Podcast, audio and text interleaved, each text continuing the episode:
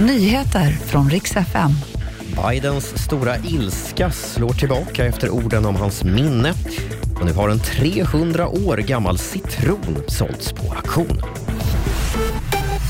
God morgon. Vi ska börja i Göteborg där skott avlossades mot en lägenhetsdörr i stadsdelen Kviberg i natt. En person befann sig i den här hyreslägenheten när en okänd gärningsman sköt mot dörren.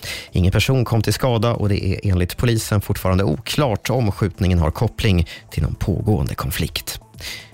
Så ska jag berätta att USAs president Joe Biden är arg. I natt slog han tillbaka mot en särskilda åklagare som kallat hans minne för svagt, dimmigt och kraftigt begränsat i utredningen om hans hantering av hemliga dokument.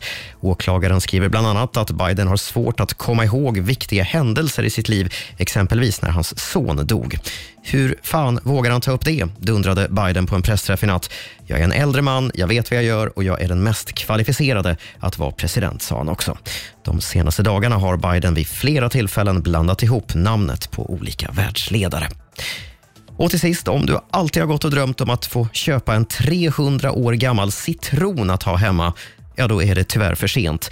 I England har en person nämligen budat hem en antik citron plockad i Indien år 1739.